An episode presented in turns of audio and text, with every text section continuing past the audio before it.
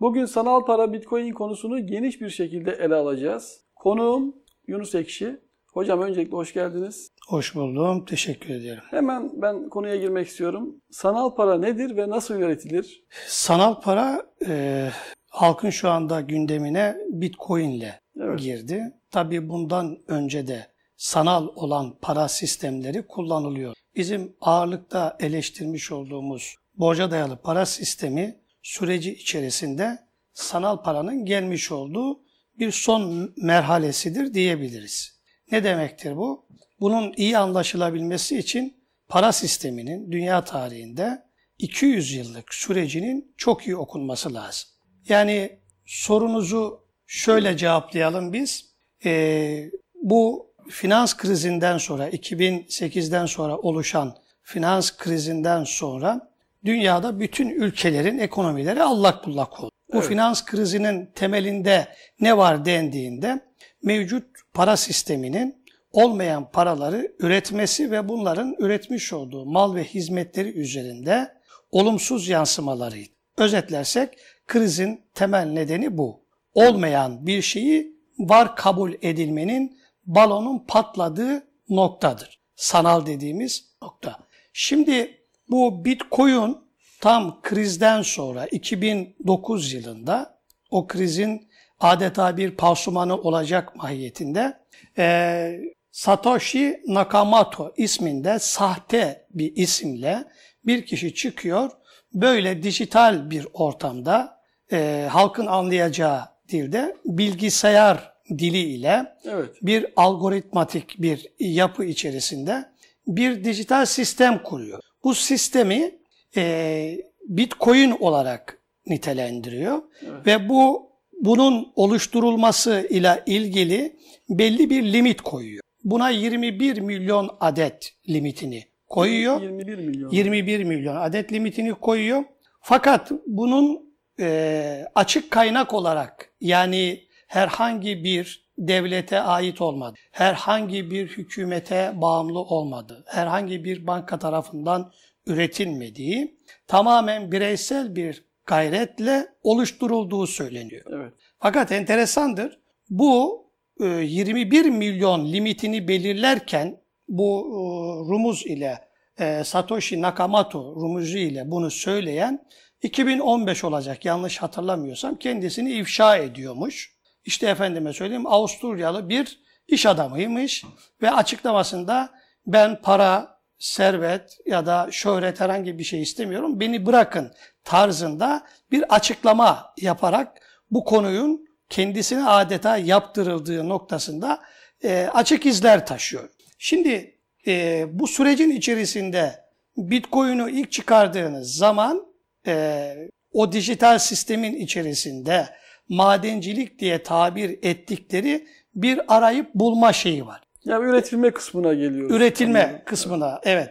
Yalnız bu üretilme kısmı içerisinde ilk etapta 50 Bitcoin, sonra bunu o 25 Bitcoin, sonra bunu e, 2017'de 12,5 Bitcoin'a indirdiler. Yani üretilerek siz o dijital ortamda deneme yanılma yoluyla tabiri caizse İstanbul'u samanlık olarak düşünün.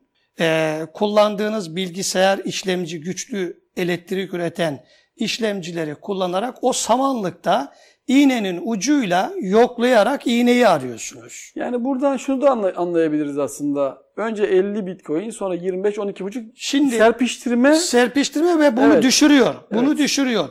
Şimdi bu size de diyor ki siz bu madenciliği ancak bu şekilde yapabilirsiniz diyor.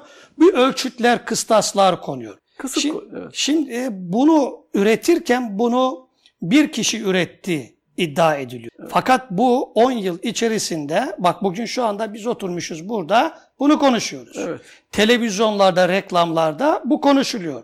Daha geçen gün televizyonda 12 milyonluk bir bitcoin hırsızlığını yakalandığı söyleniyor. Evet.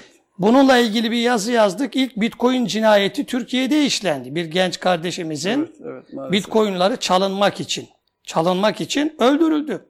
Şimdi e, inanıyorum siz soruları daha derinlik kazandıracak noktada soracaksınız. Ama özünde bitcoin mevcut sistem. Yani halkımız çok net şunu bilsin.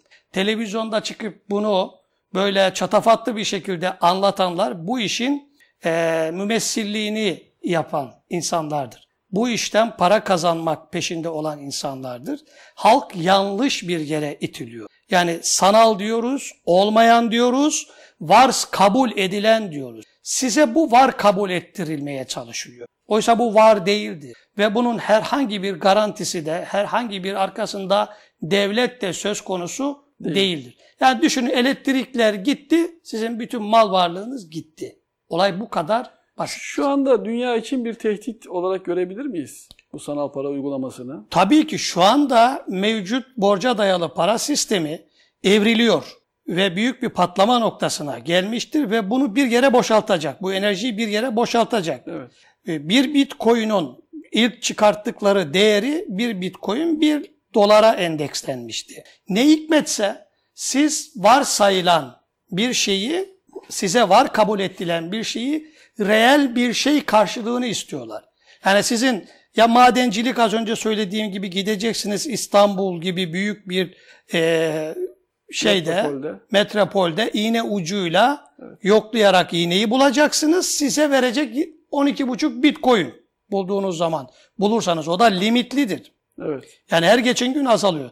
Ya da diyor parayla gidip bunu satın alacaksınız. Parayla neyi satın alıyorsunuz? Bitcoin'i. Bit, Bitcoin neydi? Sanaldı, dijitaldi. Var kabul ediliyor. Oysa ki bu var kabul edilen şeyde bakın reklamlara bakın, internet ortamında bakın. Sürekli bu reklamlar yoğunluk kazanmaya başlandı. O Bitcoin simgesi hani B ve üzerinde iki çizgi vardır. Cumhuriyet altınına benzer bir Altın şekilde. şeklinde algı oluşturuyor sende. Gerçekte öyle bir Sen şimdi resimlendiriyor şey yok. Öyle bir somut bir şey yok. Onu resimlendiriyor. Senin zihinsel olarak bu algıyı sen kabul etmeye başlıyorsun. Daha sonra tabii bunu gerekçelendiriyor. İşte bunun şöyle şöyle avantajları var. Şimdi onlara geleceğiz inşallah. Bir takım avantajlarla insanlar buna sevk edilmeye çalışılıyor. Tabii burada bir grup insana bir şeyler kazandırılması lazım. Çünkü en iyi reklam bunu tabana kendi halkla yayarsanız en iyi reklam budur. Evet. Bazı insanlara işte efendim ben şu kadar bitcoin aldım işte şimdi şu kadar para elde ettim. E bir bitcoin bir dolardı şimdi efendime söyleyeyim baktığınızda bir bitcoin 6, 6 bin, 6 bin dolar 6163 dolar evet. liraya çıktı. Peki bu değer 6163 katına bu değer nasıl çıkıyor? Kim çıkartıyor bunu? Şimdi bunu e, uluslararası piyasalarda Bitcoin'u bir para gibi alınıp satılıp borsasını oluşturuyorlar. Evet. E bunu kim yapıyor? Siz şimdi düşünün bir tane adam çıkmış diyor ki ben bir tane algoritma kurdum.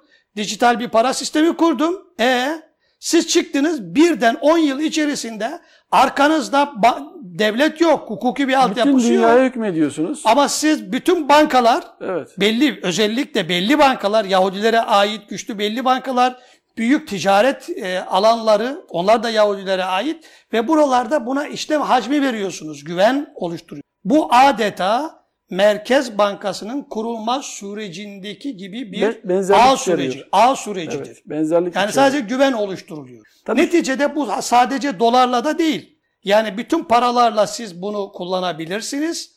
Bütün reel devletlerin basmış olduğu paralar olmayan, var kabul edilen dijital bir algı satılıyor. Evet. Siyasiler de kanuni anlamda bunun altyapısını oluşturar, oluşturacak nitelikte demeçler veriyor bu arada. Bunu da es geçmemek lazım. Şimdi çok enteresan bir şey. Tabii bu Türkiye için çok büyük bir tehlikedir. Evet. Ee, şu anda e, Avrupa'da, Amerika'da etkin bir şekilde belli yerlerde uygulanmaya başlandı. Biz takip ediyoruz. Bakıyoruz bu Cumhurbaşkanımızın danışmanların ağzında bazı bakanların ağzında, Kurtarıcı olarak ekonomi bakanlarının ağzında, evet. Merkez Bankası'nın, o Merkez Başkanı. Bankası'ndan beklerim zaten. Merkez Bankası bu yapının zaten çocuğudur. Evet. Sistematik olarak. Evet. Onlar şimdi bu algı oluşturulmaya çalışılıyor. Hesapta bundan nasıl istifade ederiz deniyor. Yani olmayan bir şeyi sizin devlet adamlarınız varmış gibi konuşmaya başlıyor. E halkta nasıl bir algı oluşur? Ya bunu bakan ya, konuşuyor. Tabii. Ya bunu Merkez Bankası Başkanı konuşuyor efendime söyleyeyim baş danışmanlar konuşuyor. Böyle baktığınız zaman olaya siz buna ne anlam yüklersiniz? Halk ne anlam yükler? Halk bu, der ki bu demek ki kurtarıcı bir şey. Bir kurtarıcı bir şey Benim olarak. seçtiğim insanlar böyle diyor. Ben de buna sarılayım der. Zaten bir de Oysa burada ki Oysa ki o Evet. insanlara periyodik zamanlarda onların çoğu, bu konuda konuşan bakanlar, bu konuda e, Merkez Bankası'ndaki insanlar bunu bilir. Çünkü oraya hizmet ediyorlar. Evet. Çünkü burada en büyük tehlike, bu millet için en büyük tehlike Sadık Bey, kripto paralar için Evet. kripto bürokrasidir. Kripto paralar için kripto, Kripto büro- bürokrasi. bürokrasi. Evet. Böyle bir ikilem var. Ve onlar şu anda Türkiye'de yayılmaya çalışıyor. Biz şimdi sağdan soldan duyuyoruz. Bir sürü dijital paracılar çıkıyor. Ben bir para ürettim diyor. Üniversitede kulüplere gidiyor. Öğrencilere bunu yerleştirmeye çalışıyor. Belli bir oranda para satacak ve reel para alacak. Yani dijital para satacak, reel para alacak. Bu dijital paranın arkasında kim var? Türkiye'de 1913 yılında şey 1910 şey 19 2013'te e, dijital para kuruldu. Bankası kuruldu. Bu konuyla ilgili biz bir yazı yazdık. O yazı mahkeme kararıyla da kaldırıldı. Pro ile ilgili bir yazıydı Evet bu. yazdık. Mahkeme Haber. kararıyla kaldırıldı. Evet sistemimizde. Neydi sakıncalı olan neydi orada? Biz neyi sorguluyorduk? Siz Neydi? yani- Biz Türkiye'de şu anda bir sürü dijital para kullanılıyor. Türkiye Cumhuriyeti Devleti'nin kendi parası yok. Ama şimdi bir de dijital para kullanılacak. Devlet nereye gidiyor? Devlet nereye Evet. gidiyor? Devlet bunu mu kullanacak? Halk bunu mu kullanacak? Zaten şu anda para yok. Şu anda baktığımız zaman para yok. Şimdi İnsanlar hep esnaf, ticaretle uğraşanlar, iş adamları şu an evire- parasızlıktan bunu evirecekler. Evet. Bunu buraya neden şimdi Bitcoin'in değeri neden yükseltiliyor? Neden sınırlı tutuluyor? Neden kısıt tutuluyor? Bütün taktik aynı. Mevcut şu anda Merkez Bankası'nın bankalar sistemiyle bir ağdır bu ağ. Bankalar Merkez Bankası'na, Merkez Bankası Uluslararası Ödemeler Bankası'na, Ödemeler Bankası. Uluslararası Ödeme Bankaları FED'e bağlıdır. Onları da kontrol eden IMF'tir. Bir örümcek ağı gibi sistem kurulmuş bu şekilde. Ve bu sistemin içerisinde birden bu kadar bitcoin gündeme gelir. Ha şöyle e, teorilerde üretiyorlar. Efendim biz sadece bitcoin yok işte bir sürü dijital para var. Zaten adam sana algı operasyonunu böyle yapacak. Diyor Evet. ki bak birileri de yapıyor. Adam onu ödeme aracı olarak kendi ana kanallarına taşımıyor ki. Yani çok cüzi paylamalar yapıyor orada. Bütün dikkati dağıtacak. Operasyon şu anda bütün mil- dünyadaki milletlere yapılıyor. Evet. Ve bunun çok ciddi geçiş hamlesi içinde büyük savaşı çıkartacaklar. En büyük kullandıkları kozlardan bir tanesi budur. Maalesef. Büyük savaşı kullanacaklar. Maalesef. Burada biraz önce söylediniz. e, Önce e, 50 Bitcoin, 25 Bitcoin 12.5'a düştü dediniz ama bir yandan da bire birken 1 Bitcoin 1 dolara denkken 1 Bitcoin 6163 dolara denk oldu diye bunu savunuyorlar şu anda. Hani kripto para, kripto bürokrasi dediniz. Bu da bir kripto söylem olarak karşımıza çıkıyor. Ha, ama o 25'ten 12.5'a düştü ama rakam da değerde kıymette arttı deniyor. Bu böyle bir savunma gerekçesi olarak karşımıza çıkan söylemler oluyor. Bununla ilgili ne diyeceksiniz? Şimdi bu Değer değer, artıyor. Tamam. şimdi bu değeri düşüyor arttıran, ama şimdi bunu ben kontrol ediyorum. evet. Şimdi millet şunu bilmesi lazım. Olmayan bir şey bir adam çıkmış bu böyle bir şey ürettim diyor. Size bu inandırıyor. Diyor ki ben bunu 21 milyon yaptım diyor. Evet. Ve bunu yaparken de mevcut şu andaki e, a- dünyayı kontrol eden borca dayalı para sisteminin ağı üzerinde. Siz ahmak mısınız? Geri zekalı mısınız? Görün işte bunu bir kişinin yapacağı bir şey midir bu? Yani bu bitcoin bir kişinin yapacağı bir şey midir? Hayır. Sistem bir dönüşüme giriyor. Sistem şu anda patlama noktasına gelmiş. O krediler ödenemez noktasına gelmiş. Bunları bir yerde patlatacak. Evet. Şimdi diyor ki bunun değerini yükseltiyor. Bak dünyada şu anda basılı para, para genişlemesini krizden kurtulmak için uyguladığı metotlar vardır. Bir, mevduat silme. Bunu Evet, denediler ki evet. Tepkiyi Avrupa Parlamentosu'nda gördüler, geri adım attılar. Yani yüzde 25 mevduatları sileceklerdi. Çünkü şişti, çünkü sanal bunlar. Sonra para genişlemesi yaptılar. Evet. 6,5 trilyon dolara çıktı şu anda para genişlemesi. Dünyada basılı para. E şu anda türevleriyle beraber peki para miktarı ne kadar? Bir trilyon, 200 trilyon türevleriyle beraber. Hızlı bir şekilde yayılıyor. Ya bu hayır bunu, bunu şimdi faiz üretiyor. Bunu her sürekli bir faiz enstrümanı içerisinde bunu kullanıyor. Bu nedir şu anda? Borca dayalı para sistemi işi patlayacak şimdi bu. Evet. Peki bunu patlatırken ne yapar? Yeni bir şey üretiyor burada. Ve bunu bu yüksek oluşmuş olan patlama noktasına gelmiş olanın değerini düşürüyor. Buranın değerini yükseltiyor. Evet. evet. Buradaki bütün insanların değerlerini Bitcoin'e yönlendiriyor. Diyor ki bak bu çok değerlidir. Bak şu anda benim tahminim bunu 10 bine yakın zamanda çıkartacaklar. Bu 10 bine çıkarması şu demektir. Dünyadaki kullanılmış olan türevleriyle beraber kullanılan paraları, dijital paraları Bitcoin'e endeksleyerek bunun üçte birini mevduat silmenin farklı bir yöntemini uygulayacaklar. Çünkü ilk yaklaşık tahmin ediyorum e, o 10 bine çıktığı zaman 2 trilyon 100 milyar dolar gibi bir rakama endeksleyecekler Bitcoin'u. E bu da yaklaşık mevcut basılı para 6,5 trilyon dolar. Bunun üçte birini de sildiği zaman sen bunun arkasını takip edemezsin ki. Devlet yok. Şu anda da edilemiyor zaten. Şu anda da edilemiyor. Ama şimdi bunu nereye taşılıyorlar? Devletler zorlanılıyor. Devletler bunun yasal zeminleri, yasal altyapıları oluşturulmaya çalışılıyor. Az önce sorduğunuz soruya cevap olarak işte bizim bazı bakanlarımızın yaptığı böyle bilmediği için işin aslını bu boyutu. Çünkü bu, bu paradigma meselesi. Evet. Çok böyle karmaşık bakmaya gerek yok. Net bakacaksın, olayı göreceksin. Bu adamlardan hayır gelmez. Bu millete hayır hiçbir zaman gelmez bunlar. Evet. Bunların yapacağı şey mevcut dijital para sisteminde yeni bir modellemeyle mevcut patlamanın önüne geçmek. Evet.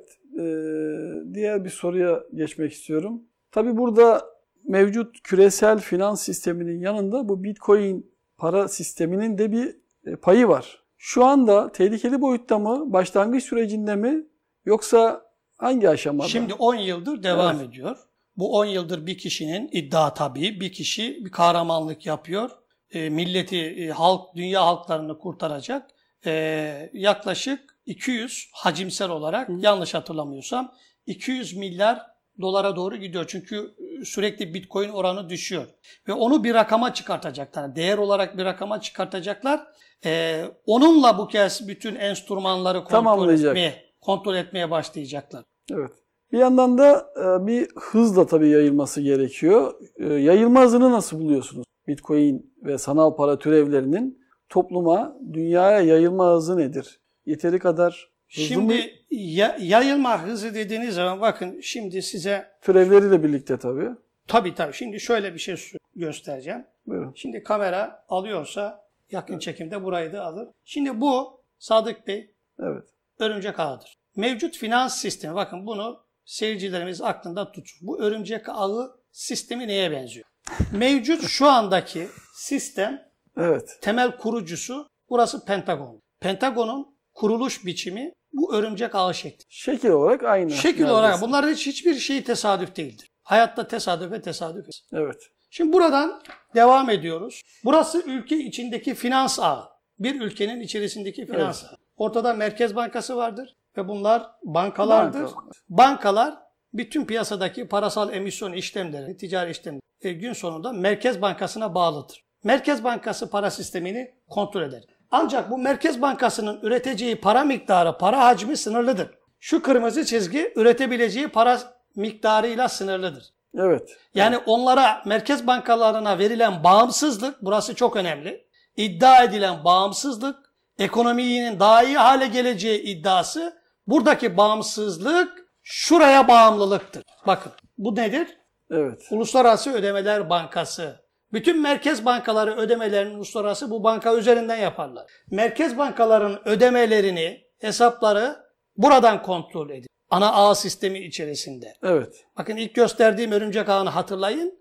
Merkez Bankası ülke içinde ve uluslararası ağ sistemi içerisinde. Bunun da üreteceği para hacmi bellidir.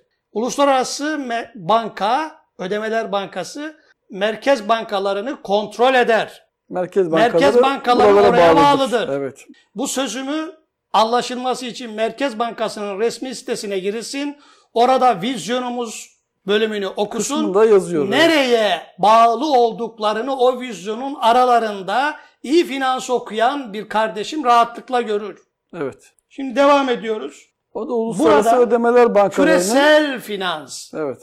total olarak. Bakın burası ülkelerdir. Bunun içinde ne vardı? Merkez bankaları vardı. Evet. Bu şuradaki şu mavi Dış- beşgen içerisindeki Dış çerçevedeki mavi beşgen Uluslararası, Uluslararası Ödemeler Bankası. Ödemeler Bankası'dır. Evet. Bu da Uluslararası Ödemeler Bankası da FED'e bağlı. FED'e bağlıdır. Peki FED nereye bağlıydı bu beş şeklinde? FED nereye bağlıydı? Beşgen olarak. Evet. Benzerlik olarak baktığımız zaman Bunlar tesadüf Evet. değildir. evet. O da Bunlar tesadüf olan şeyler değildir. Şimdi bu siz düşünün bütün dünya ticaretinde bu Bitcoin denilen dijital para sistemi bütün dünyada geçerli hale gelecek ve böyle bir ağ sistemi, bir finans ağ sistemiyle bütün dünyayı kontrol eden yapı, düzey kendisini göstermeyecek. Evet.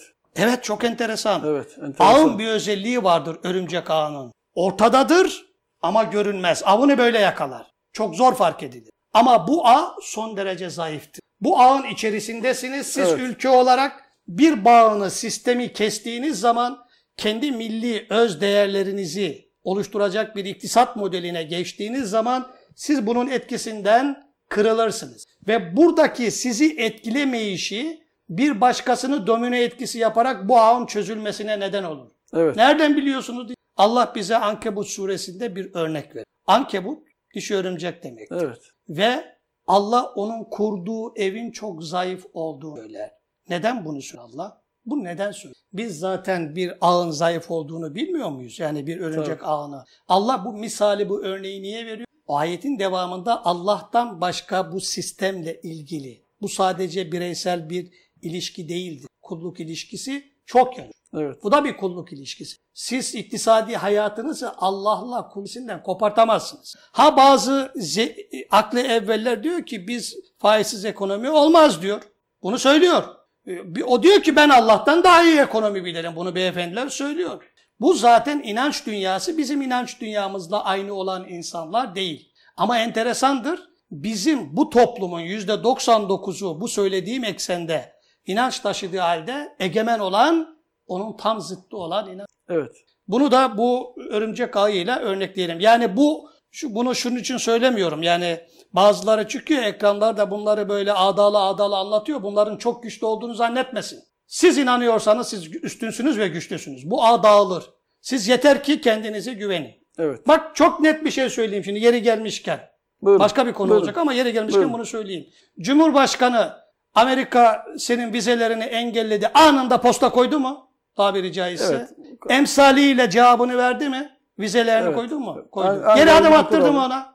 Geri adım attırdı. Geçen gün bir tane Amerika'nın bölgedeki e, Amerikan sayısı, asker sayısı ile ilgili bilgi veriyor. Ağzından kaçırdı. 5000 Evet. tane Amerikan askeri var orada. Sonra dilim suçtu şu bu dedi. Efendime söyleyeyim. 500 tane söyledi. Suriye ile ilgili. Suriye ile ilgili. Evet. Şimdi adam ordusunu oraya niye taşıdı? Şimdi Silahlarını da taşıdı. ya şimdi seni adam düşman görüyor. Düşman sensin. Açıkça ilan ediyor. Düşman sensin.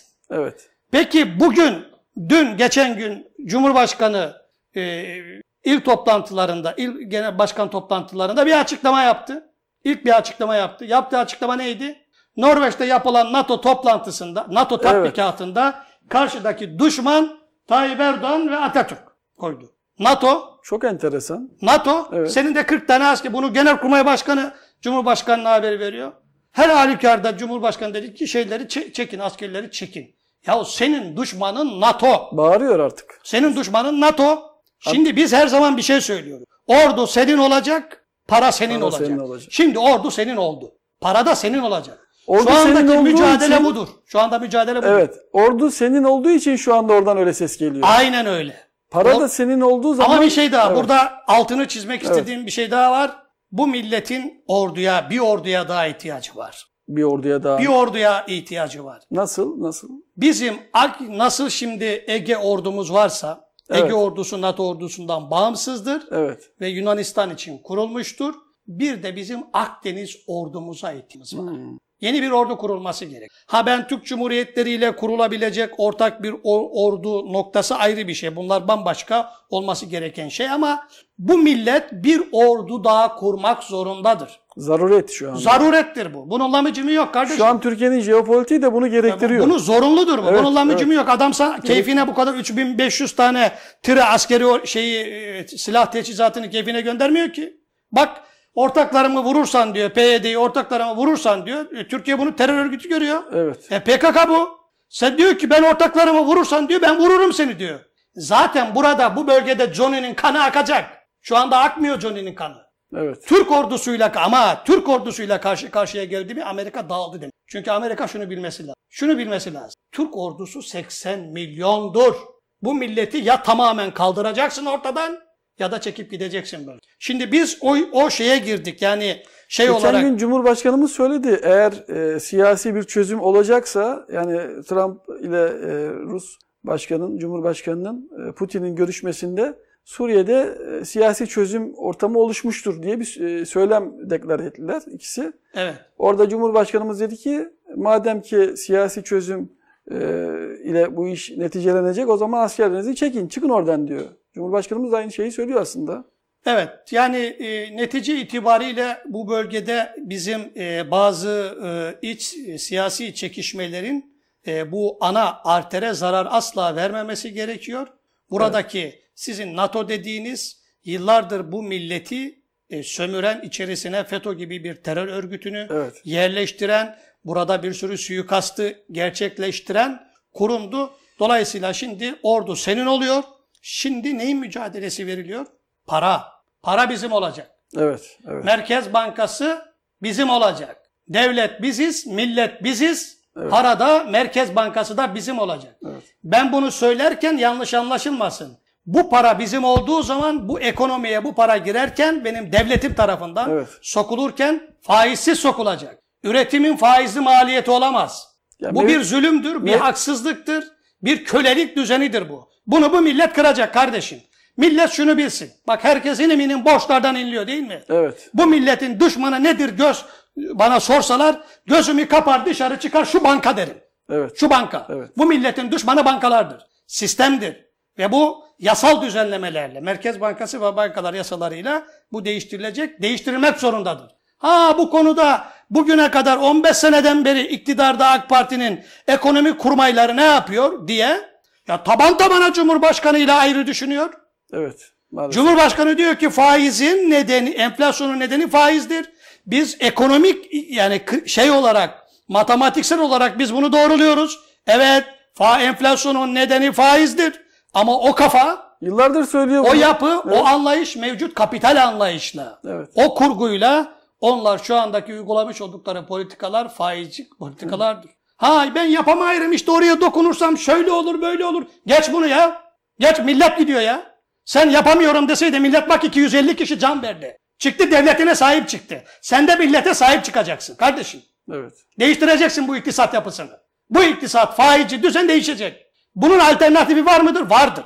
Sen bilmiyorsun diye bilmeyen yoktur diye çok rahat vardır. Yapılabilir bunun çalışmaları da yapılıyor. Yeter ki adım bu yönde atsın. Atılsın. Bu kadar. Evet. Evet. Bu kadar.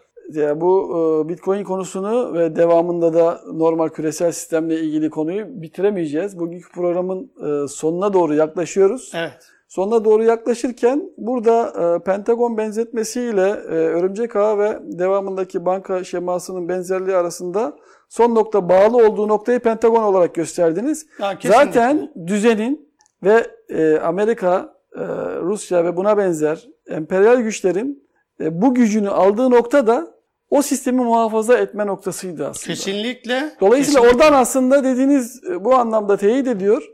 O birlik, o askeri ortam diyelim, güç, o örümcek ağını koruyan güç oluyor aslında. Evet. Kesinlikle. Dolayısıyla burada Orada Amerikan sadece ordusu, bir benzerlik Amerikan değil, ordusu evet, küresel finans sisteminin işleyişini koruyor. koruyor. Orada Ama- muhafızlık yapıyor. Muhafızlık yapıyor. Aslında e, Amerikan ordusu da oraya bağlı. evet. Evet. Yani orada e, benzerlikle beraber e, teyit etmiş oluyor. Şimdi e, bir dahaki programa devam edelim isterseniz hocam. Bugün e, zamanımızı da biraz açtık. Söyleyeceğiniz e, bir mesajınız, son bir söyleminiz varsa onu alalım. Ondan sonra bir dahaki programa bu konu üzerinden daha da derin bir şekilde Tamam devam edelim. şöyle söyleyeyim. Bitcoin e, bir dahaki programda bunu daha teferruatlı bir şekilde konuşuruz. Milletimiz şunu bilsin. Olmayan bir şeyi satın almasınlar. Evet. Gençlerimiz olmayan bir şeyin peşine düşmesinler. Dijital adı üstüne varsayılan sanal, sanal olan bir şeyle gerçek olan elindeki varlıkları alıyor. Ve bunun kontrol edilemez noktası vardır. Ve bunun arkası sorumlu olan hiç kimse yoktur. Elektriği, fişi çektin, elektrik gitti, bütün mal varlığın gitti. Yani yapılacak operasyon zaten bu noktaya gelecek. Evet. Yani bu dolayısıyla bunun altını ısrarla bir kez daha çizmiş. Teşekkür ediyorum. Ayağınıza sağlık. Ben de teşekkür Evet kıymetli dostlar, bugünkü programımızın sonuna geldik. Bir dahaki programda yine aynı konu üzerinde Yunus hocamla birlikte devam edeceğiz.